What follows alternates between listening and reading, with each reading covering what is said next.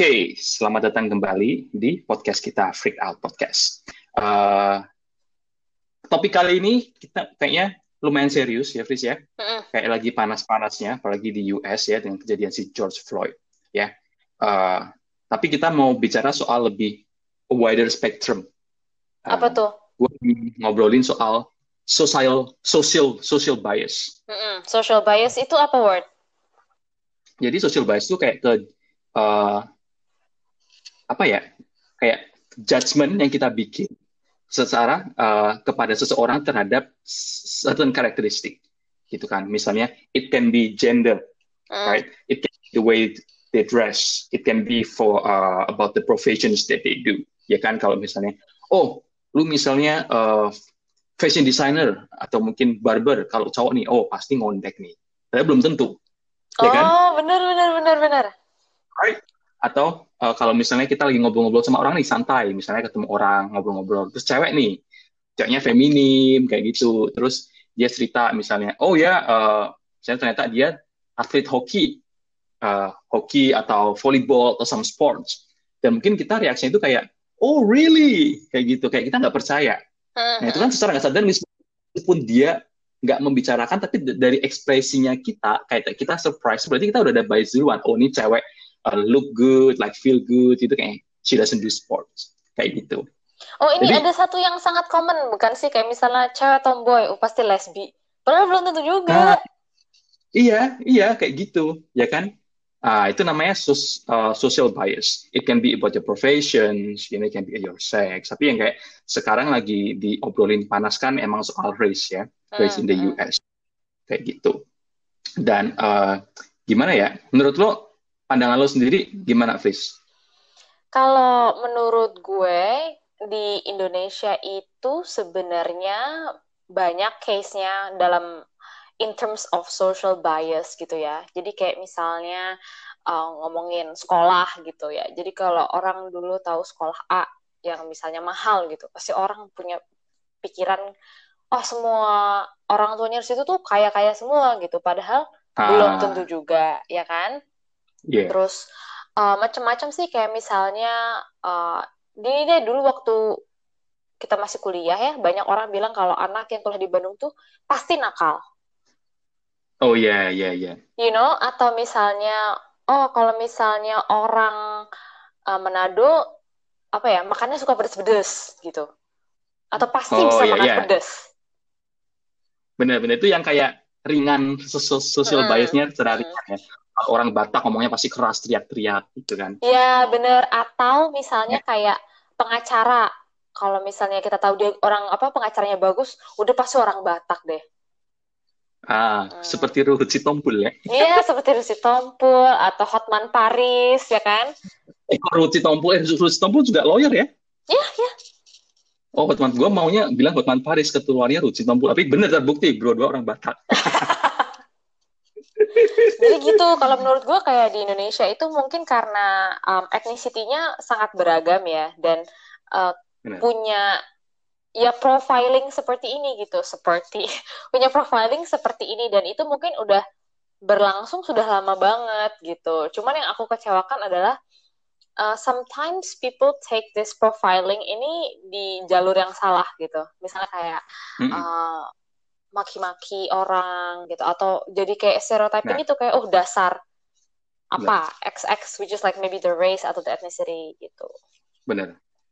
Tapi sebenarnya kalau gue sendiri ya, Fris ya, itu susah banget kayak kita sekarang ngapus uh, social bias gitu. Secara uh, emang susah, kecuali soalnya kita sudah we grew up in the generation that has had that kind of like mindset. Hmm. Kalau uh, misalnya cewek itu biasanya di rumah kayak gitu apa do all house house chores and everything. Cuma yang menurut gue sendiri untuk sekarang tuh mungkin emang nggak bisa 100% lo hilang dari pikiran lo kayak gitu. Jadi kayak stigma-stigma itu cuma jangan sampai itu buat uh, mempengaruhi the next action gitu. Misalnya nih lo interview nih, Hmm. interview ada wah kayaknya nggak bisa nih dia nih cewek. Nah itu sebenarnya nggak boleh banget ya kan. Lu punya pikirannya menurut gua it's okay but keep it to yourself. Tapi jangan uh, don't make it to cloud your judgment ya nggak sih? Hmm, bener. Kalau menurut uh, itu ada istilahnya nih dari filosofi dari zaman dulu itu ada namanya tabula rasa. Tabula rasa itu adalah konsep uh, dari bahasa Latin yang istilahnya um, blank canvas.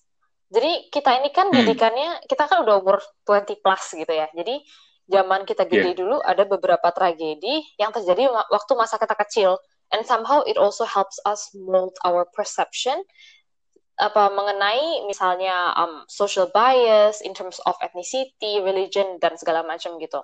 Cuman menurut menurut gue kalau misalnya generasinya udah mulai berganti, mereka akan punya tabula rasa gitu. Jadi kanvasnya mereka itu masih kosong dan itulah di saat di mana kita bisa menanamkan nilai-nilai yang mungkin lebih baik dari apa yang kita lakukan atau apa yang kita alami gitu. Benar, berarti kalau misalnya punya anak pun harusnya nggak boleh kayak meskipun within your family you don't say those kind of things ya karena anak itu kan mau nggak mau pasti itu ngerekam iya, ya. Iya bener banget. Dan apa ya, I think uh, the way orang Indonesia lihat itu sekarang banyak banget anak-anak muda yang mulai tergerak hatinya untuk you know like trying to demolish all this gitu ya social bias kita actually ada hmm. satu post Instagram guys menarik banget ini tuh dari um, salah satu account in Insta Celeb kalau nggak salah dia itu namanya Steph S T E P H underscore S E S H E P Stephanie Shepherd Suganami Iya dia Insta Celeb ternyata guys. Jadi dia itu ngasih tahu kalau um, ada terms namanya microaggression ya. Jadi microaggression itu dia macam-macam, tapi basically contoh-contohnya seperti ini. Kalau misalnya ini kita sering dapat nih, uh, kalau misalnya kita sebagai orang Asia ngomong bahasa Inggris, terus ada orang bilang ini, oh wow, you speak really good English. Nah itu adalah salah satu contoh dari hmm. microaggression gitu. Kayak berarti meremehkan iya, ya? Iya, meremehkan kayak... Kayak secara nggak sadar. Orang Asia tuh sebenarnya biasanya nggak bisa bahasa Inggris, tapi kalau bisa gitu loh. Benar, benar, benar. Kayak, benar sih. Kalau kayak misalnya di uh, di Malaysia sini, apa ya? Kalau misalnya lo lihat orang Bangladesh, lu apa konotasinya mungkin udah kan soalnya banyak foreign worker kayak itu jadi konotasinya lu kayak ya mereka dari kayak orang Indo aja di sini kan karena banyak apa foreign worker yang TKI, teman-teman TKW itu juga cenderung diremehkan. Bener banget. And Kayak I, gitu. to be honest, waktu pertama kali gue pindah ke Malaysia tuh gue actually had a really big culture shock. Karena tiap kali kayak misalnya gue naik taksi gitu ya, and then oh you know people can be chatty sometimes right? Terus mereka ngomong-ngomong gini oh I'm from uh -huh. Indonesia. Terus mereka kayak oh my god I've never heard like you know Indonesian speaks like you like where did you study? Gitu-gitu loh. Jadi maksudku kayak I kayak never gitu. take it as a compliment tapi gue kayak dude what the hell? Like do you think you know like all of us itu datang to your country just to like be a blue collar worker? Like that's not always the case you know? Yeah. Oke, okay. Chris, tapi post yang lo share itu menarik banget ya. Oke, okay, kita kita share untuk ke teman-teman ya. Mereka dia ceritain apa examples of uh, racial microaggressions. Ini sebenarnya kayak gue juga baca ini kayak tereducated banget karena ini benar sesuatu yang mungkin lo ngerasa lo nggak rasis, tapi lo melakukan hal-hal ini dan ini ternyata it makes you a microaggressive people. Contohnya gimana? Gitu. Jadi secara sadar, nah di sini di post ini dibilang begini ini kayak oke. Okay, nih gue bilang misalnya ngobrol nih, misalnya gue interview sama orang, terus uh, misalnya somehow she's um, an African descent, gitu kan, or maybe uh, dari Papua, kayak gitu. Oke, okay, Mas, gini ya, saya ngobrol sama Mas nih ya, saya ini nggak pandang bulu Mas orangnya. Tet, di saat lo bilang saya ini nggak pandang bulu, di apa di post ini di, dijelaskan padahal itu berarti you are actually trying to deny that person experience as coming from certain racial background. Oh gitu. Waduh, ini kok kayak bumerang ya. I think people are trying like the intention is good. Maksudnya kayak kita menerima yeah. pendapatnya secara adil, tapi the moment they said tidak pandang bulu itu langsung kayak big. Berarti sebenarnya lo pandang bulu yeah. kan? Berarti lo berarti masih merujuk ke gua sebagai seorang yang berbeda. Ya yeah, benar benar benar. Kayak bener. gitu kan. Jadi kalau gue belajar dari pos ini, jadi intinya ya lu you treat that people just as normal person as how you will always interview people. Uh -uh. Kayak gitu. Enggak sih lo, ini kayak ingat gak sih Chris cerita kemarin yang kita ngobrolin soal kalau ke panti asuhan tuh lo gak usah kayak sosok nangis-nangis sedih gitu karena mereka juga gak mau lihat lo kayak gitu kan itu berarti dengan lo menangis sembilan mereka itu berarti lo menunjukkan kalau mereka tuh lo berarti ngomong mereka tuh kasihan ya kamu tuh hidupnya hmm, kasihan bener, ya bener. karena menangis kayak gitu itu kayak berarti gue waktu baca post ini juga relate kayak gitu Fris. Oh, kalau gue lebih visualize-nya uh, sama orang-orang yang mungkin tinggal di luar negeri ya kayak misalnya di Prancis I don't know why it just popped up in my mind. Um, di Prancis atau di US atau di Kanada. Jadi kan uh, negara-negara uh, seperti yang tadi tiga aku sebutin itu kan sebenarnya mereka itu melting pot. There's a lot of people from different countries sengaja datang untuk ke negara mereka untuk mendapatkan hidup yang lebih baik ya kan. Kebetulan teman teman deket gue itu dia orang Prancis but she is um, Cambodian French gitu. Dan right, so I mean right. she looks Asian but the only language not the only but like her mother tongue is actually French gitu kan. Dan terus um, dia right. apa ya waktu dia datang ke Malaysia dia itu sebagai intern. Jadi both of us were intern. Jadi gue di perusahaan fashion dia di perusahaan elektronik. And notabene kita tuh satu kantor gitu. Every single time kalau kita mm -hmm. travel bareng orang itu bakal lihat paspornya dia itu lama banget. And like oh dibuka-buka you know like how long will be in Malaysia gitu-gitu jadi basically uh, the root cause is people itu nggak percaya kalau dia itu benar orang Prancis gitu oh itu dan ini mungkin buat teman-teman yang nggak tahu ya uh, kenapa mungkin dia mix itu karena Cambodia itu dulu dijajah Prancis Betul. lama ya jadi itu jajanan ya, Prancis. Ya kayak inilah ada uh, terus apa kayak old ties kayak kita sama Belanda dulu lah. Ah iya ya, jadi banyak juga orang Kambodia itu yang kayak turunan Prancis juga sebenarnya. Karena seperti Oke, okay. terus apalagi ya Fris ngomongin soal oke, okay, kalau okay, di US itu ada Black Lives Matter and we know what that is about. Sebenarnya kalau kita lihat di lingkungan kita sendiri juga, ini sebenarnya gerakan yang bagus sih, Fris. Kayak menurut gue sih Black Lives Matter ini kayak it's awakening like other countries about what's actually happening around them as well. Kayak iya, gitu benar. kan. Uh, Oke, okay, gue gua mau ngomong sedikit tapi takut salah gitu sih soalnya banyak orang yang nggak setuju nih kalau gue misalnya oh ya di Indo tuh juga banyak terjadi rasisme gitu mereka bilang lu jangan ngomong gitu dong lu sekarang fokusnya harus ke Black Lives Matter hmm. dulu nih kayak gitu kayak yang lain-lain ya ntar aja kan mereka nggak nggak itu maksudnya sekarang gitu.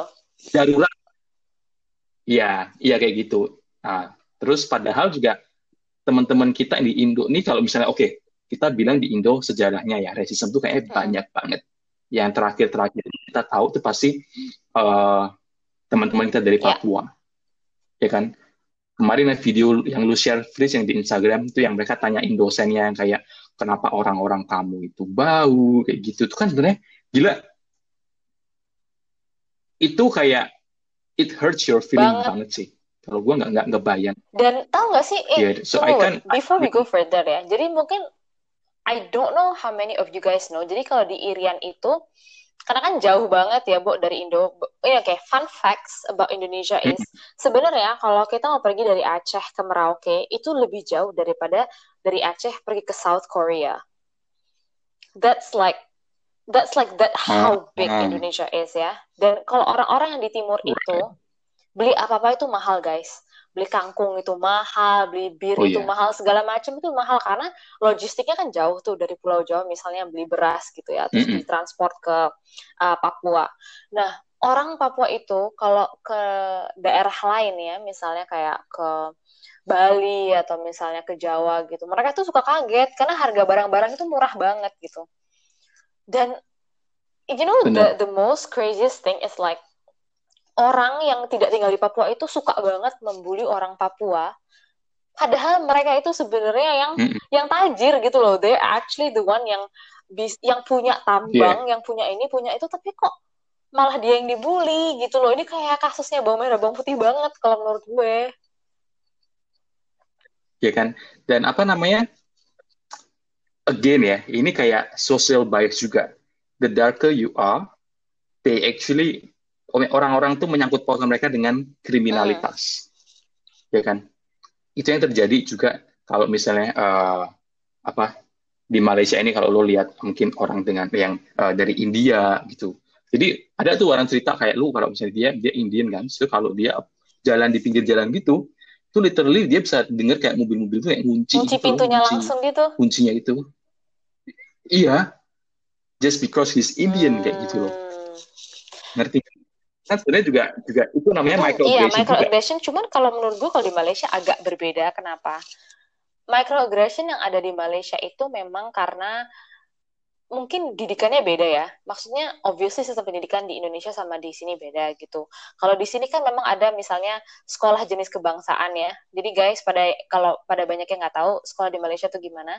Kalau mereka dari kecil sekolah di Malaysia itu ada sekolah biasa, sekolah negeri itu pakai bahasa Melayu biasanya. Terus ada juga sekolah jenis kebangsaan Cina pakai bahasa Mandarin dan satu lagi yang Tamil ya, which is pakai bahasa Tamil gitu ya.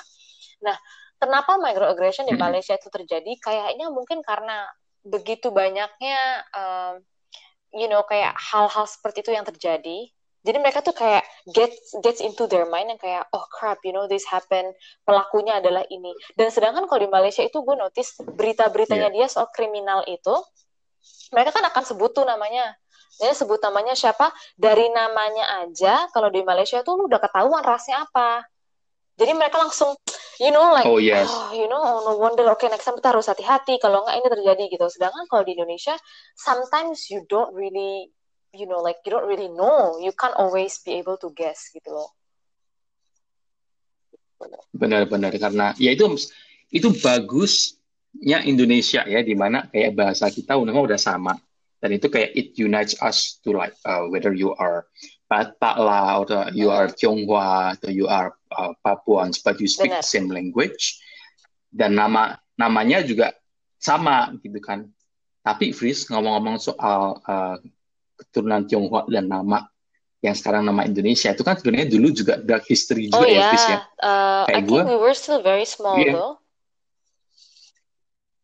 Iya, kalau misalnya masalah-masalah yang balik nama itu, itu terjadi di uh, generasi nenek gua. Ya, kan nenek gua tuh dulu uh, namanya nama nama Chinese dong, oke. Okay? Terus uh, literally yang dia tuh harus punya sertifikat yang menunjukkan bahwa dia tuh balik nama ke nam, punya nama nama Indonesia untuk dia menjadi kayak somehow like legal oh, kayak gitu. gitu kan. Terus karena itulah iya karena itulah banyak orang di Indonesia dulu yang ber apa transmigrasi ke luar negeri, Fris. Jadi kayak adiknya uh, nenek gua, oma gua tuh zaman-zaman itu tuh dia pindah ke Hong Kong. Oh. Tuh, ini zaman-zaman ini maksudnya itu. tahun berapa? Tahun 80-an? Ini tahun 60-an berarti. Oh iya, Lama tahun 60-an ini kalau nggak salah tahun... banyak juga um, Chinese descent in, eh, iya. Chinese descent Indonesian yang pindah ke Belanda juga. Iya kan? Karena karena karena hal itu. Karena mereka berusaha uh, kayak mungkin ini diri gua gitu kan. Gua lagi mempertahankan ini. Gua sekarang manggil opanya itu namanya opa Hongkong kan dia tinggal Hongkong tapi kalau menurut gue itu tuh sebenarnya apa ya kayak two sides of the coin gitu you know. Soalnya Indonesia itu negaranya besar banget kan. Jadi um, kita harus menghargai keberagaman. Cuman I feel like kalau lo terlalu berbeda it could be dangerous for you too. Ngerti nggak? Because on the other hmm. side, hmm. kayak dasar dari negara adalah bine, apa bineka tunggal ika kan berbeda-beda tapi tetap satu. Tapi kan yeah. itu kan filosofi apa ya ideologinya gitu. Tapi kan kalau di uh, kehidupan nyata, ya pasti ada orang yang setuju, ada orang yang tidak setuju kan. Bener, bener ya sama aja kalau kayak di US itu kan juga melting pot ya, tapi ya ada orang yang setuju yang merasa mereka itu superior dibanding orang-orang hmm. lain kayak gitu. Dan ini lagi cerita ke tahun hmm. 98, Fris. Ingat kan yang zaman uh, apa mahasiswa Trisakti yang uh, protes yang dan akhirnya uh, yang kena ya? imbasnya kan Iya Soeharto dan apa yang salah satu yang kena imbasnya adalah uh, yang Tionghoa kayak ya. gitu kan. Jadi itu ternyata gue waktu itu masih kecil ya dan gue nggak terlalu inget apa-apa. Sama gue ingetnya tuh kayak nggak ke mana-mana kita nggak ke mana-mana terus kayak di rumah aja. Terus tapi bokap nyokap ya nggak nggak bilang kenapa kayak gitu kan. Terus waktu gue udah gede gitu gue tahu sejarahnya terus gue kan tanya kan terus ada apa di dunia ternyata apa yang terjadi. Itu mereka cerita loh nyokap sama bokap gue itu udah nyiap siap ransel. Ransel itu kayak ransel kayak lu mau pergi Mhm. backpacking itu Fris itu isinya kayak uh, baju supply sama duit sama emas batang. Jadi itu mereka bilang kalau kalau ada apa-apa sampai itu kan rumah-rumah kan baik dijarah. Kayak Jakarta parah kan Jakarta tuh parah Solo juga parah banget. Dan Semarang tuh juga ada kena impactnya juga. Rumah-rumah tuh gue inget banget di jalanan itu Fris gue inget tuh kacanya pada pecah. Cuma waktu zaman gue kecil kan kita nggak tahu Mhm. kenapa. Ya kan? Itu jadi it was bad bad gue bilang "Maka, Sorry, Word. uh, So, tadi koreksi agak jelek, jadi mungkin lo bisa ulangin lagi apa setelah kaca-kaca pecah? Ya, jadi kaca pecah. Tapi kan gue nggak tahu kan secara kecil ada demo apa tuh demo untuk apaan nggak tahu. Cuma ternyata tuh bokap nyokap gue tuh udah yang siap-siap ransel, isinya kayak supply, like uh, ada dua perhiasan. Sama emas tadi ya? Uh, jadi kalau iya, jadi kalau ada apa-apa tuh dia udah janjian. Lo lari, bokap gue bawa gue, kakak eh kakak gue dibawa sama nyokap gue kayak gitu. Hmm, Terus sampai udah siap kayak gitu. guys. gila ya. Terus the same thing juga uh, nenek gue juga kayak gitu. Itu izin berarti serius dong kalau sampai kayak gitu Iya, ya kan. ya, definitely. Oke. Tapi ada silver liningnya. Jadi rumah gue itu kan gue dulu tinggal di sama nenek gue kan Mhm. dan uh, dia di gang, bukan gang ya namanya, kampung. Istilahnya jalannya itu pas semobil masuk, Fris. Terus? Kayak gitu. Dan di jalan besarnya itu, Fris, rumah-rumah hancur, Fris. Yang yang rumah-rumah Tionghoa itu ya hancur, dilemparin batu, kacanya pecah, kayak gitu. Uh, dan apa namanya? Jadi struktur di uh, gangnya itu, istilahnya yang kita yang Tionghoa Tionghoa itu kebetulan rumahnya tetap ke jalan raya di depan. Masuk-masuk ke dalam itu adalah tetangga kita yang orang Batak lah, orang-orang uh, apa namanya? uh, orang Jawanya kayak gitu.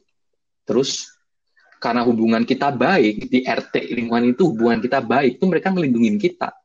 Jadi waktu si masa yang rusuh ini mau masuk ke kampung gua, istilahnya mau mau ngancurin rumah yang Tionghoa-Tionghoa itu, yang dari dalam warganya keluar. Nggak ada di sini nggak ada orang Tionghoa, terus aja jalan aja kayak gitu. Kalau Wow. nggak udah hancur rumah. Kalau nggak udah hancur gila, gua gua nggak tahu, mungkin gua nggak ada di sini Gila, man. kayak gitu. It's oh my God, that's that's crazy. Tapi ya gitu ya, the power of people gitu. Kalau lo baik sama orang tuh, like good karma will, you know, eventually be on your door gitu. Benar. Jadi kayaknya dari cerita ini meskipun ada rasisme itu cuma bener. Orang baik itu juga banyak guys di luar sana. Orang yang kayak nggak pandang lo suku apa tuh juga banyak. Mm-mm. Jadi kayak we have to be that person. Kayak meskipun lo ada social bias, pandangan buruk terhadap se- uh, sesuatu ras, sesuatu profesi, cuma jangan bikin itu penghalang buat lo mengenal orang itu lebih dalam, ngerti nggak sih? Yang salah kan itu. Iya, benar benar Kalau, oh, benar. Atau kalau oh, orang lo orang Jawa, gue nggak mau temenan sama orang Jawa, karena orang Jawa kan biasanya males kayak gitu. Dan itu itu salah banget. Jangan kayak seperti kayak gitu. Right, right. Kalau uh, oke, ini gue nggak pernah cerita ke orang banyak ya, Fris ya. Mm. Tapi gue dari kecil ini kan tumbuh di uh, sekolah gue sekolah swasta dan itu sekolah Katolik, oke? Yang so happen kayak mungkin gue bisa bilang 60% 70% adalah teman-teman gue di sana orang Tionghoa, Mm. kayak gitu kan. Tapi uh, guru pengajar guru pengajarnya kebanyakan uh, orang Jawa, Oke, kayak gitu. terus? Terus uh, ya pastinya kalau lo tinggal di Jawa, kebanyakan orang yang dilihat sekitar lo orang Jawa dong, ya kan? Jadi gue lihat bisnis-bisnis keluarga gue, jadi karyawan-karyawannya kebanyakan orang Jawa. Ya kan? Terus kalau lo lihat pengamen, yang kayak preman-preman, ya pastinya again itu orang Jawa. Ya Kalau lo lo tinggal di Jawa, Pulau Jawa. ya kan? Jadi itu secara nggak sadar tuh gue, I grew up with the mindset kalau misalnya uh, orang Jawa itu mereka karyawan, mereka kayak tukang bikin onar, Mm. istilahnya kayak gitu loh, Fris. Karena Dan itu karena yang lo lihat seperti itu gitu loh. bener, bener. Dan sampai pada akhirnya uh, gue kuliah, Fris, kan kuliah di sini. Banyak anak Indo dari uh, kota-kota lain gitu kan, yang istilahnya uh, warna kulitnya tidak sama, berkeyakinan tidak sama kayak gitu kan. Dan itu gue sempet nggak nyaman loh. Gila ya, kayak gue merasa malu sama diri gue sendiri sih kayak sampai gue tuh sempet kayak gitu. Dan itu masalahnya guys kayak itu gue nggak sadar. Kayak gitu tuh gue nggak sadar karena sampai... itu udah lo lo dari kecil tinggal di Jawa sampai lo SMA itu tuh bertahun-tahun word jadi kalau menurut gue like don't be too hard on yourself you know mm bener-bener terus kan lo dulu sempet yang kayak zaman-zaman teroris bom bom itu kan juga apa apa uh, muslim kayak gitu. Jadi hmm. istilahnya di kepala gue kayak aduh gila. Dan terus sekarang ini gue kuliah bayangkan teman-teman gue dari Indonesia yang yang seperti yang di berita-berita seperti yang gue lihat yang kayak di di pikiran gue tuh kayak nggak bagus hmm, hmm, kayak gitu. Cuma oke, okay, untungnya waktu itu gue juga uh, oke okay sih kayak mau nggak mau sih sebenarnya. Kan tuh sekelas terus ngebaur terus kita lunch gak bareng-bareng dan terus sedikit demi sedikit kayak gue ngerti kayak hey actually they are not like that. Kayak gitu hmm. loh ngerti nggak sih? Ngerti ngerti. Jadi, jadi inti intinya kayak semua orang semua orang itu eh salah. Bahwa semua ethnicity itu baik semua agama itu baik yang jahat itu orangnya guys.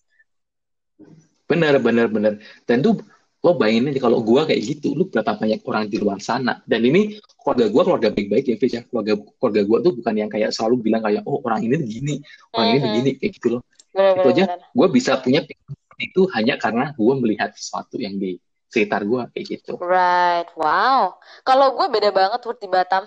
Nothing like that at all. Iya, yeah, iya. Yeah. Soalnya kalau di Batam itu kan um, pulau ya, dan ya native-nya di sana itu ya pulau orangnya orang Melayu gitu. Tapi di sana mostly banyak orang Tionghoa, banyak orang Jawa, banyak orang dari uh, Padang, dari Medan, orang Batak tuh banyak. Terus dari uh, Flores juga banyak. And like for some reason it's very kita nggak waktu tahun 98 tuh gue inget banget Batam itu kayak they run on their own you know jadi nggak nggak uh. terlalu ngaruh gitu dan kalau kalian yang belum pernah ke Batam jadi di Batam tuh ada kayak Chinatown-nya gitulah ya namanya tuh Nagoya dari Nagoya. iya, dari Nagoya tuh bener-bener yang ya chill aja, business as usual. But I think people were a bit apa ya, kayak taking additional precaution gitu. Kalau di Batam sendiri, uh, kita stereotipnya nggak punya kayak spesifik sama orang Jawa karena beda lah. Itu kan yang lo tinggalnya di Pulau Jawa. Kalau kita kan di Pulau Batam dan we can never know itu orang tuh orang Melayu kah orang apa. Cuman ada beberapa social bias yang misalnya gini lo buang sampah di depan gitu ya terus kayak ada pemulung gitu kan. Nah pemulung hmm. itu kita panggilnya inang-inang. Nah inang-inang ini kalau gue nggak salah orang orang Batak. Jadi mereka itu ibu-ibu gue nggak tahu ya are they matriarchal atau patriarchal but basically ibu-ibu ini kayak ngais barang-barang yang masih bisa dipakai gitu loh misalnya baju atau apa mm -hmm. kalau taruh depan rumah itu nanti dia pak bawa pakai kayak songket gitu di kepalanya jadi abis dia apa uh. lihat-lihat tuh ada baju apa terus taruh di kepalanya terus dia jalan lagi dan they okay. all like use the same thing gitu entah kenapa dipanggil namanya inang-inang gitu terus kalau social bias orang Flores yang di Batam itu atau yang dari timur itu biasanya mereka kerja jadi uh, security guard mungkin karena they look hmm. tougher gitu ya jadi maksudnya kayak sangat ya Uh, jadi kayak give you like the additional security right. feeling gitu kan. Jadi most of hmm. them itu uh, dari East Indonesia. Tapi untungnya kalau di keluarga gue, my dad itu dia teman-temannya like quite diverse. We also have like few of his colleague yang dari East Indonesia dan uh, di Batam itu karena itu kan banyak apa kayak perusahaan-perusahaan terkenal ya. Jadi kayak my mom used to work in Philips, yeah. my dad used to work in Siemens. Dan itu karena ada manajemen timnya, otomatis di bawahnya itu kan factory kan. Jadi you have a lot of factory worker gitu. Dan hmm. mostly di Batam itu standarnya lumayan tinggi. Even kalau misalnya orang-orang mau jadi factory worker, mereka itu paling tidak harus lulus S1. So they are Oh ya? Ya, jadi kita itu punya kayak di mindset kita lo terserah dari mana aja. Cuma kalau lo ke Batam, it means you're educated, you're most probably lebih well mannered, dan itu kind of like kill all of the apa ya prejudice atau assumption yang kita udah punya terhadap ah. etnisitinya mereka gitu. Ih gila, gue nggak sadar gue barusan social bias lagi waktu lu bilang factory worker S1 gue bilang oh ya, nah itu gak sih contoh kayak social bias. kayak gitu. Mm -hmm. Jadi itu emang kalau menurut gue sih beda banget. Kalau di Batam itu, uh, I think kita semua menyadari kalau kita tuh memang pendatang di sana, you know. Dan Benar. I think di sana itu nggak ada rasa kayak yang hey, you know, I own the place. I own this place. Like, kalian tuh pendatang. Enggak, karena Wah. literally everyone is pendatang. Iya. Gitu. Gue ingat sih dulu pertama kali ke Batam, supir taksinya cerita, iya nih sini banyak orang perantauan. Orang Padang, gitu. Orang Padang banyak kan yang kayak bawa taksi, banyak orang Padang dia cerita. Tapi hmm. ngomong soal Flores, orang Indonesia Timur kelihatan sangar ya, padahal orang Indonesia Timur tuh hospitality-nya sangat tinggi sekali. Ya kan? Uh, yeah. Kayak nyokap gue sama bokap gue itu hari dia kayak uh, missionary trip ke Atambua, Fris. Itu jadi uh, Atambua atau ke mana ya? Atambua itu di mana sih? Irian ya? Itu kan, kita tuh nggak tahu Indonesia Timur secara baik kayak gitu tahu. Atambua tuh dia bagian Indonesia Timur gitu deh. Atambua. Nusa Tenggara. Nusa Tenggara. Tenggara Timur. Apa barat? Nusa Tenggara Timur. Timur, Nusa Tenggara Timur. Jadi uh, dia ke sana terus dia dijamu nih jadi kayak RT-nya gitu. Datang nih tamu-tamu datang kan. Oke kita kumpul bikin gathering gitu lingkaran. Terus dia kayak minum tuak itu freeze dari satu uh -huh. mangkok lu harus minum dari mangkok situ tuh mangkoknya bakal dari satu orang minum satu sip digilir. Nah seperti oh. tanda you are welcome here. Welcome. kita minum dari satu cup ini seperti itu.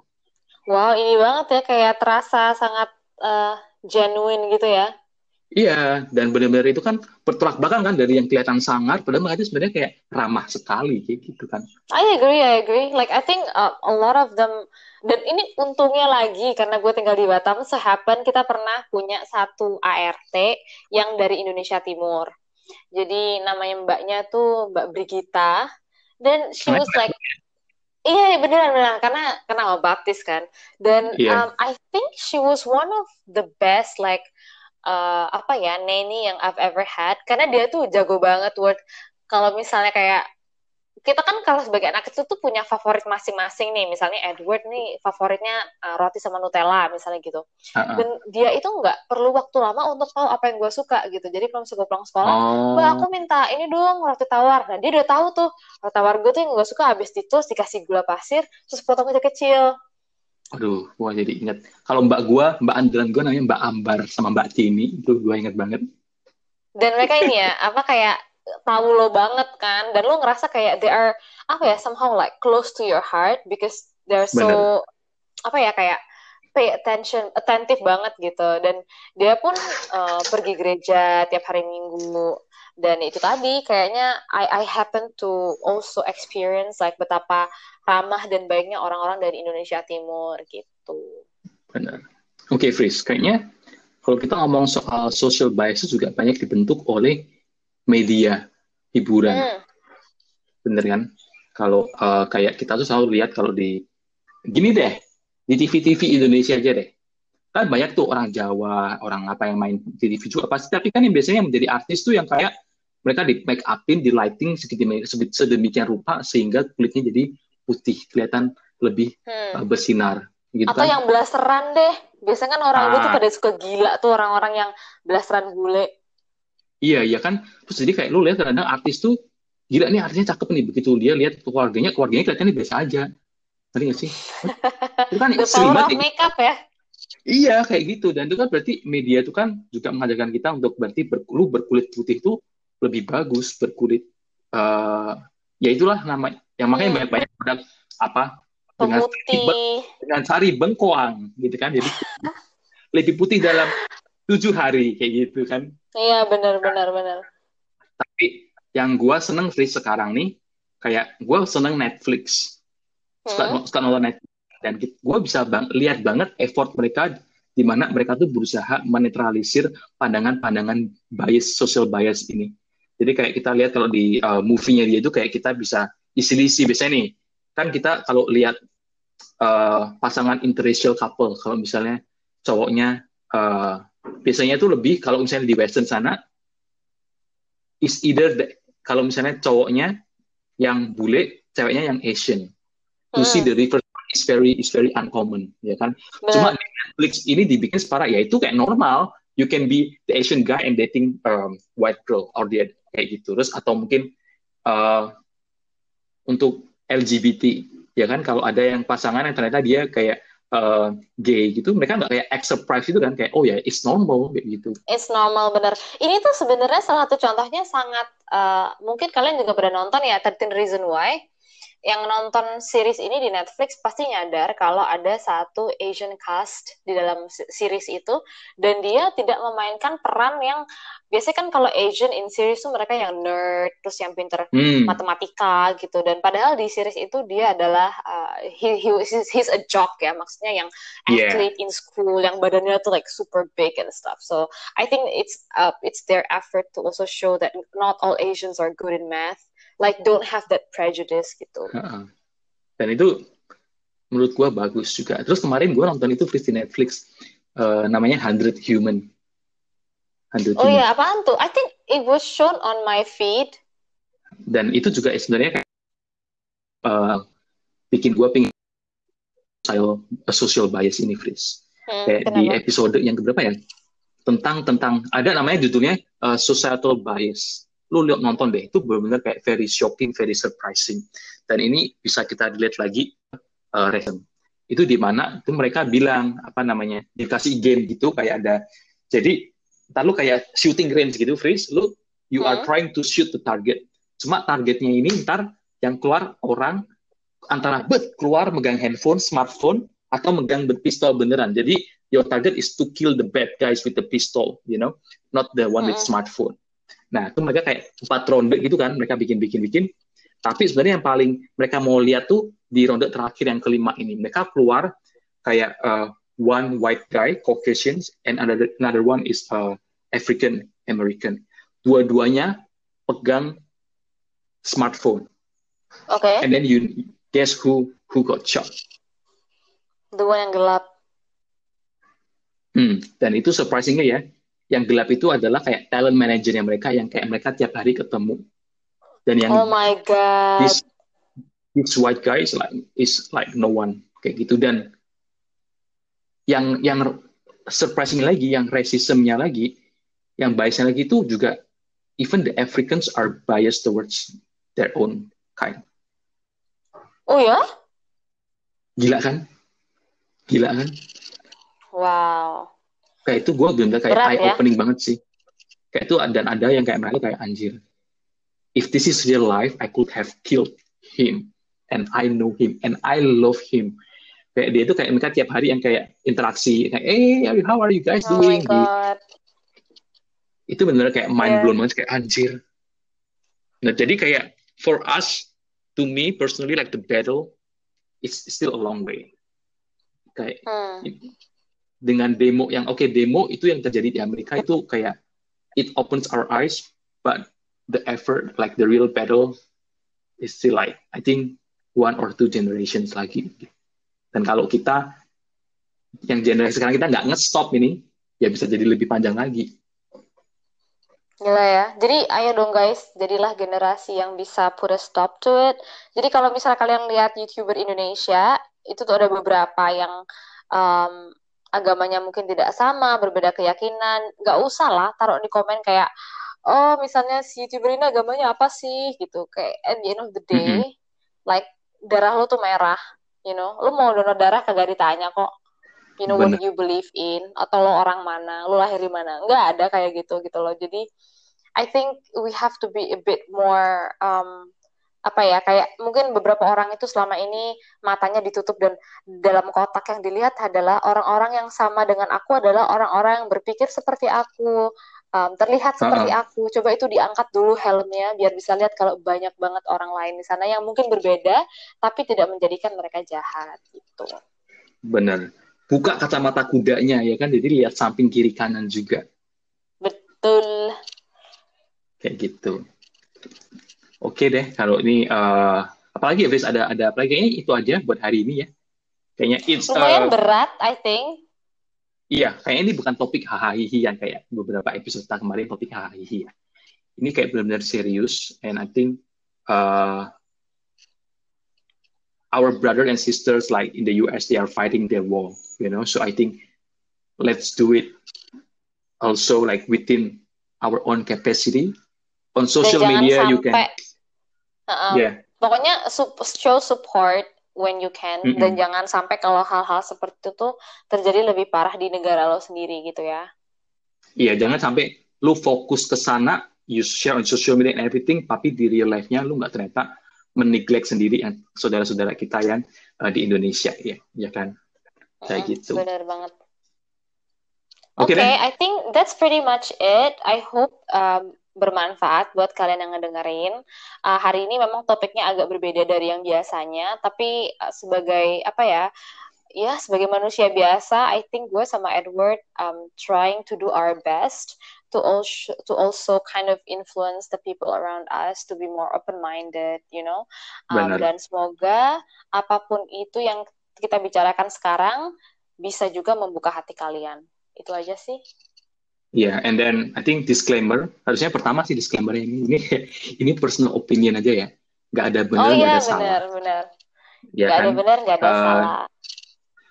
You are free to let us know your opinion as well and kita juga free membicarakan apa yang ada di pikiran kita juga uh, yang kita juga manusia nggak lepas dari kesalahan kadang-kadang pikiran-pikiran seperti itu masih terbersit cuma kita berusaha untuk nggak mempengaruhi next action atau how we gonna react to those people to our friends. Ya kayak gitu. Oke deh sampai ketemu lagi di episode selanjutnya.